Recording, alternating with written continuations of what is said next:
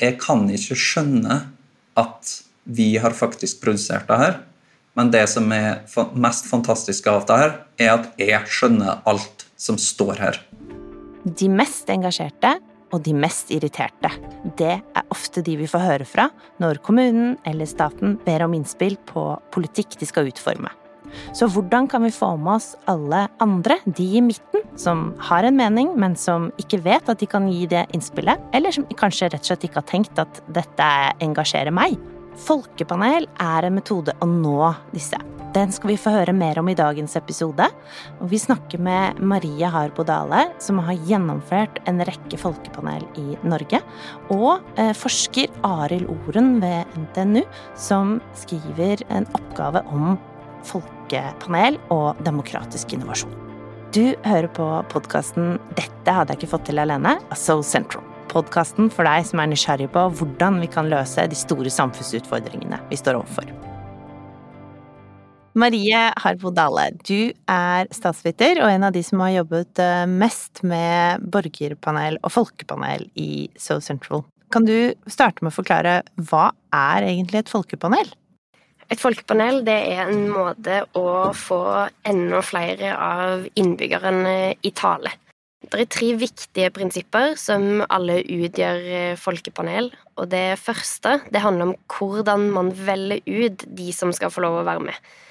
Og da er det rett og slett sånn at man bruker et lotteri. Man trekker ut tilfeldige innbyggere som får en invitasjon til å være med. Eh, I første omgang så får de en invitasjon til om de er helt tatt interessert i å være med i et folkepanel på det temaet som man skal invitere de til å ha en mening om. Og det er jo ikke så veldig vanlig å trekke ut folk i lotteri eh, når man skal, skal, invitere innbyggerne inn, for vanligvis så, så, sier vi jo at det er åpent for alle som ønsker å komme med innspill.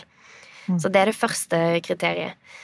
Det andre er at vi inviterer ikke bare inn folk for å spørre hva de mener, men vi har òg et stort fokus på å gi dem den kunnskapen og den konteksten de trenger for å gjøre seg opp en mening. Så de får over tid bli kjent med saken, de får snakke med eksperter, de får stille spørsmål, de får lære å gå i dybden på alle de dilemmaene og kanskje gå i konfliktene som, innebærer, som saken innebærer.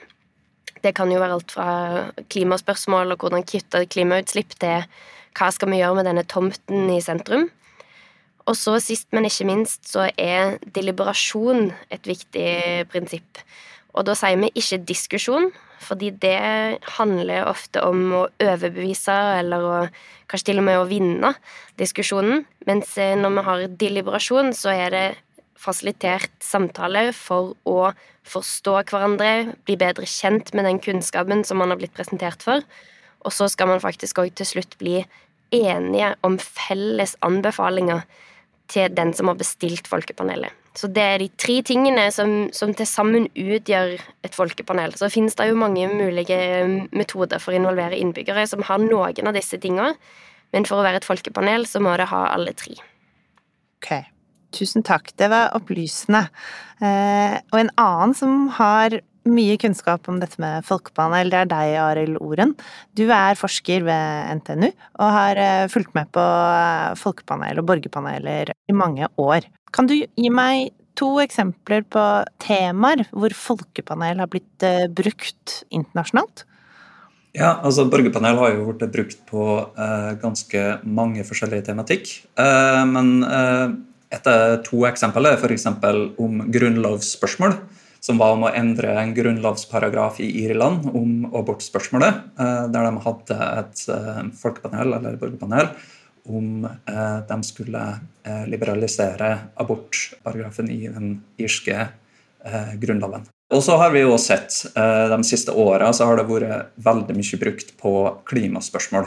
Og da er det fra veldig lokalt, som f.eks. Rural Climate Dialogues i Minnesota, altså eh, land, landlig klimadialog, eh, der de hadde eh, fra 2013 til i dag gjennomført mange forskjellige folkepanel i lokalsamfunn i Minnesota om hvordan de lokalsamfunnene kan best respondere til klimakrisa. Og helt til store nasjonale og globale til og med folkepanel om klimakrisen, som f.eks. i Frankrike der de hadde et folkepanel, borgerpanel om hvordan de kunne best oppnå eh, målet om eh, klimareduksjon eh, på 40% innen 2030 eh, på en mest rettferdig måte. Så det har blitt brukt på veldig mye forskjellige eh, temaer og områder internasjonalt. Du snakker om veldig mange eksempler eh, internasjonalt, men det er ikke så mange eksempler fra Norge enda. Eh, så hvordan ble du interessert i akkurat dette med folkepaneler? Eh, og vi snakker jo da nå om folkepaneler. Tidligere så har vi i Norge ofte omtalt det som borgerpaneler, men det er det samme, bare for å presisere det. Uh, nei, det var egentlig under mastergraden min. Jeg studerte, altså tok mastergrad i statsvitenskap. Der jeg skrev om kinesisk politikk, og da studerte deler av den i Kina. Og der hadde jeg jo noen opplevelser som var veldig uh, ukomfortable. Uh, der uh, representanter fra det kommunistiske partiet kom og stoppa forelesninger om ting vi ikke hadde lov å prate om. Vi hadde også studentvenner av meg som fikk besøk av politiet etter den forelesninga i leiligheter, der de faktisk gjennomsøkte leiligheter til den person. Og det gjorde eh, meg veldig engasjert eh, til å se på faren med å miste demokratiet, og hvor viktig demokratiet var. Så noe som jeg kanskje har tatt for gitt, var demokratiet i at jeg levde i et, et demokrati. Eh, så, så, den opplevelsen der gjorde meg kanskje veldig eh, engasjert og interessert i å se ok, hvordan kan vi gjøre demokratiet bedre. Da kom jeg inn på en del organisasjoner og forskere som drev med det vi kaller demokratisk innovasjon. Så fra TRNR så brukte jeg da eh, feriedager og dro rundt internasjonalt til å prate med eh, forskere og dem som organiserte forskjellige demokratiske innovasjoner. Som f.eks. i Island snakka jeg med dem som hadde deltakende budsjettering. I Canada dro jeg på den, eh, et folkepanel om medisin i i Canada. Og jeg dro over, over til den irske folkesamlinga eller folkepanelet om, om grunnlovsendringer. Så, så, det var egentlig i Kina, eh, kanskje overraskende eller ikke overraskende, eh, at jeg ble eh, interessert i, i tematikken her. da. Det er jo litt interessant at eh, du måtte til Kina for å uh, tenke eller sette pris på da, da uh, demokratiet, men det er spennende inngang, Arild. Marie, i Norge så har vi jo folkevalgte og et demokrati, så hvorfor trenger vi folkepaneler i tillegg? Det er jo litt som Arild sier, at inngangen handler jo om å styrke og utvikle og, og hele tida tenke at det går an å forbedre demokratiet, og, og gjennom innovasjon. Det å prøve nye ting og Eh, se hva det kan gi oss mer. Og folkevalgte er utrolig viktige i systemet vårt. De er jo valgt for å representere befolkningen. Det er veldig krevende verv. De eh, krever masse tid. Eh, de går over flere år. Det gjør at du må sette deg inn i mange forskjellige saker og virkelig jobbe, kanskje ved siden av jobben din, eller ta det som et fulltidsverv. Men det kan jo ikke alle innbyggerne i landet vårt gjøre. Så hvordan kan vi i større grad få flere til å, å delta mer enn de gjør? Og da er folkepaneler en måte å gjøre det på. Og det inviterer jo inn andre stemmer enn de som kanskje ville meldt seg som, eh, til å bli politiker. Tørre det å ta steg og bli en folkevalgt. Det gjør at du kan være med å bidra en periode. Noen folkepaneler varer ei helg, noen varer noen måneder, men det har jo et helt annet omfang enn, det ville vært hvis du f.eks. skulle vært med i kommunestyret. Så det gir et slags et tilleggsnivå, og det kan gjøre at flere kjenner på at avstanden mellom meg og politikken er ikke så stor. Vi vet jo at selv om alle i prinsippet kan bli politikere, så, så er det jo ikke alle som blir det. Og vi vet jo òg at det er opplevd avstand mellom folk og politikere i mange tilfeller. Mm. Arild, fra ditt eh, liksom, forskerperspektiv, hva mener du er gevinstene med å gjennomføre folkepanel? Jeg vil se på det som to ting. da. Eh, det ene er å se på hva som skjer med deltakerne som faktisk deltar i disse prosessene. her, eh, Som er veldig mye forskning på, som f.eks folk kan endre mening ganske drastisk. Eh, vi ser at eh, de hvis, de blir tatt seriøst, så kan det øke tillit til politikere, kan øke tillit til, til demokratiet generelt. Um, og det kanskje det jeg syns er er mer viktig her, er at du, du øker en forståelse over de andre sine perspektiver. Det kan hende at du kanskje ikke er enig med dem, men du skjønner hvorfor de faktisk mener det de gjør. Um, så Det er den ene biten, altså hva som skjer med deltakerne. Men jeg liker kanskje ha hva kan et folkepanel bidra i et demokratisk system. Og da er det at det å inkludere dem i, i folkepanel og ha folkepanel uh, Vi ser at de som ikke deltar, har større tillit til uh, det som kommer ut fra folkepanel. Eller har stor tillit til det som kommer ut fra folkepanel. Og det kan bidra med at faktisk befolkninga generelt òg har en større diskusjon over tematikken som er inne i folkepanel. Men jeg må også si at altså det som er viktig her, er at et folkepanel er ikke løsningen på alt. Sant? Eh, det er godt på visse ting, eh, veldig bra på visse ting, men det er òg som alle typer demokratiske prosesser dårlig på andre. Og det vi ser på nå, er hvordan det kan da supplementere altså Hva kan det gjøre ting bedre? Hvordan kan det gjøre det demokratiske systemet bedre generelt? Så Da er det jo viktig her å presisere at f.eks. et folkepanel vil ikke i seg sjøl, hvis vi begynner å gjennomføre mange folkepanel i Norge, så vil ikke jeg si at vi løser et demokratisk problem som vi står overfor, eller det løser klimakrisa, men det kan være med å løse de store problemene. For det som jeg er redd for, er at de utfordringene vi står overfor, er så store og de institusjonene og prosessene vi har, er ikke kanskje gode nok til å handle slike prosesser. Og da må vi virkelig ha eksperimentere med innovative metoder innenfor demokratiet. For demokratiet er aldri, og det skal aldri, være et ferdig eh, prosjekt. Det er alltid et prosjekt som vi prøver å kontinuerlig gjøre bedre. Og i den konteksten kan folkepanel kanskje være med å bidra.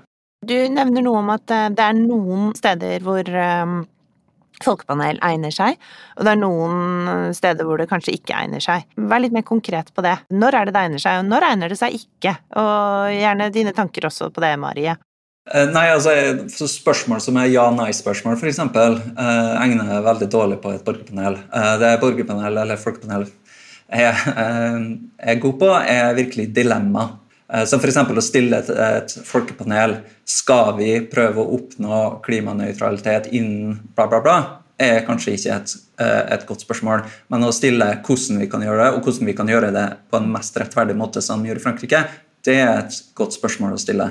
Og så er det òg utrolig viktig, dette gjelder jo alltid når vi spør innbyggerne, men kanskje spesielt i en så omfattende prosess som et folkepanel ofte er, det at vi må spørre om den som bestiller, om det er en kommune, eller om det er et statlig organ, eller en fylkeskommune, eh, hvem det måtte være, må stille et spørsmål som man faktisk ønsker et svar på. Noe som man faktisk trenger innbyggerne sin input på, og virkelig eh, har tenkt å ta imot. Så betyr jo ikke det at man trenger å legge opp til at man skal vedta eller eh, følge alle folkepanelet sine anbefalinger, men man skal òg ha en en gjennomtenkt prosess for hvordan man behandler de innspillene som kommer fra folkepanelet. Så det, det jo, henger jo òg sammen med hvis man eh, er i en prosess for å utvikle politikk der konklusjonene egentlig er, er lagt, og, og det er ikke så mye mer å, å, åpne opp om, så bør man jo ikke bruke verken et folkepanel eller andre måter å involvere på, fordi at man skal ikke presentere noe og si 'hva mener dere om dette her'? Eh, et folkepanel må tas med i utviklingen. Og nettopp som Arild sier, i de store diskusjonene om dilemmaer og verdispørsmål der det kanskje ikke er noe Det er ikke noe riktig svar. Ekspertene kan ikke tenke seg fram til det optimale svaret. Da er det veldig nyttig å, å bruke et folkepanel. Mm. Arild, jeg lurer på, er Folkepanelet en ny oppfinnelse, på en måte? Eller har dette eksistert lenge?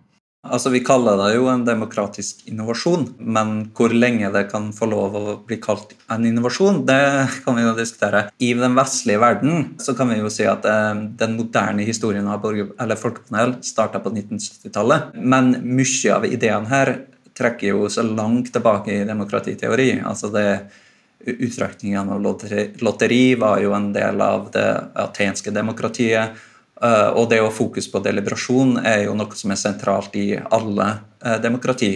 Den metoden vi bruker konkret nå, kan vi si at den har sine opphav i, på 1970-tallet, mer eller mindre, men den har jo lange historiske linjer vi kan trekke helt tilbake til Aten, og til og med lenger. Eh, vi ser nå kanskje arke arkeologiske funn i Syria som ser at de brukte lovtrekning eller hadde en form for eh, folkesamlinger der òg, eh, som vi strekker. Og det kan vi jo si at å samles og diskutere over noe er kanskje noe som er veldig menneskelig. Altså Det er en del av oss. Men den moderne historien kan vi si starter på 1970-tallet. Men når du har sett på ulike folkepaneler som har vært gjennomført, kan du si noe om hva som skiller de som får det til, og hva skiller de som kanskje ikke helt har fått det til? Nei, Jeg tror det er kanskje mye av det samme som uh, Marie påpekte her. da. Altså, altså det dem som bestiller, faktisk vil gjøre noe med det som kommer ut av det, har ganske stor påvirkning om det er en suksessfull prosess eller ikke. Uh, og så har vi jo det, altså, det er jo det med at den må være Eh, kunnskapen som kommer inn, må være balansert. Så du, så du har en del prinsipp som du kan følge, som f.eks. OECD sine prinsipp om hvordan du gjennomfører en god deliberativ prosess. Men jeg tror nok det at du skal ikke gjennomføre et folkepanel bare for å gjennomføre et folkepanel. Du har et problem, og det skal løses, og du kommer fram til at folkepanel kan være en god måte å gjøre det på. Da er du langt på vei på å gjennomføre en god prosess, tenker jeg. Hvis det sitter noen der ute da, og lurer på, hm, eller vurderer uh, om uh, folkepanel kan være noe for oss, hvor bør de starte? Hvis der som du jobber, om det er en kommune, kanskje du sitter i et kommunestyre, eller du er en, eh, en byråkrat i en kommuneadministrasjon, eller du jobber på et annet nivå i forvaltningen. Hvis dere skal utrede et spørsmål, en sak, som, er, som dere kjenner at denne er vanskelig. Her, her er det ikke så veldig mange gode, klare svar. Vi ser at det kommer til å bli eh, konflikter, ulike interesser og meninger. Vi skjønner ikke helt eh, hvordan vi skal gripe an denne saken politisk. Vi trenger å vite mer om hva befolkningen vår, innbyggerne våre, egentlig ønsker seg og mener og tror på. Da kan man vurdere å, å engasjere et folkepanel. Og det må være formulert på den måten at det er bredt nok til at det fanger måte kompleksiteten i saken. Men eh, å spørre, spørre hvordan løser vi klimakrisen, ble jo òg forberedt. Da er det vanskelig å gi et godt svar. Så for at det skal være matnyttig for deg, så må det òg være så, så, konkret formulert at det er mulig å gi noen gode svar på. Det kan f.eks. være hvordan skal vi som kommune hjelpe innbyggerne våre til å ta ned eh, forbruket sitt, eh, eller noe sånt. Og så er det jo å finne ut av hvilke i befolkningen vår er vi spesielt opptatt av å, å, få innspill fra. Fordi at dette lotteriet kan vi jo justere litt på og tweake litt på sånn som vi vil. Sånn at de kriteriene vi bruker for uttrekk, de kan variere. Ofte så bruker man jo kjønn og alder for å få en sammensetning som speiler befolkningen på den sammensetningen, men det kan òg være eh, utdanningsbakgrunn. Altså vi ønsker oss folk med en lik fordeling av utdanningsnivå som det er i samfunnet vårt for øvrig. I noen panel, folkepanelprosesser så har man jo gått veldig spesifikt til verks. I, I, København så hadde de en, en prosess om sentrumsutvikling og parkeringsplasser. Da var det et viktig kriterium å ha med de som hadde bil, en representativ andel av de òg. Sånn at her kan vi finne ut av hvem er det viktig for oss å høre fra i Larvik kommune så var de opptatt av å få med de unge stemmene. Så de vekta og inviterte inn flere unge stemmer i forhold til det som egentlig er sammensetningen i befolkningen. Arild, du har jo reist og deltatt på folkepaneler rundt om i verden. Hvis du vil trekke fram en opplevelse som sitter veldig i deg fra det, Kanskje grunnen til at jeg ble interessert i spesifikt denne metoden, det var når jeg var i Canada, når de diskuterte om eh, medisin skulle være en del av eh, helsesystemet. For der var det at du måtte ha egen forsikring for medisiner, men de har, det andre er dekket av staten. Det er jo et komplisert spørsmål. Og jeg husker på slutten av den prosessen de hadde kommet og, og lagt fram Eh, prinsipper og anbefalinger som var veldig fullt av egentlig fagterminologi og, og var ganske eh, komplekse anbefalinger. Eh, så, du, så, du, så her at det var noen som kunne tematikken. Og Da var det ei dame som reiste opp i slutten av den prosessen. her. Jeg tror hun var en taxisjåfør eller trailersjåfør eller et eller annet. Og Hun reiste opp, og i plenum så sa hun at jeg kan ikke skjønne at vi har faktisk produsert det her men det som er mest fantastisk av det her, er at jeg skjønner alt som står her.